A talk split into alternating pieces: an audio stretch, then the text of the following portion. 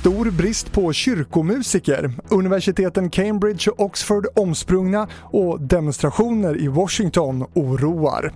Det här är TV4-nyheterna som börjar med att imorgon så är det kyrkoval. Men valdeltagandet brukar vara lågt. Förra gången var det bara 19 procent av 5,7 miljoner medlemmar som röstade.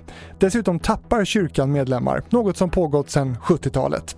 Ja, det är ju flera faktorer. Dels har vi den allmänna samhällsutvecklingen när färre föräldrar överför sin religiösa tro till barnen. Vi har ju också en begränsad undervisning i kristendomskunskap i skolorna. Det sa Roland Samuelsson, kandidat för Socialdemokraterna i kyrkofullmäktige i Umeå. Och krisen för Svenska kyrkan gäller inte bara medlemsantalet, även antalet kyrkomusiker minskar kraftigt.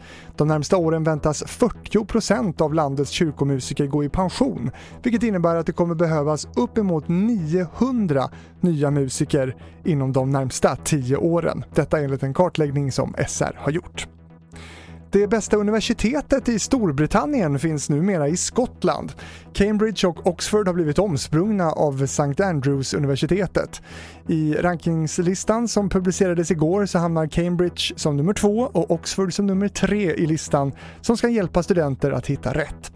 Brittiska prins William och hans hustru Kate gick båda på St. Andrews, vilket på den tiden drog upp intresset för det anrika lärosätet.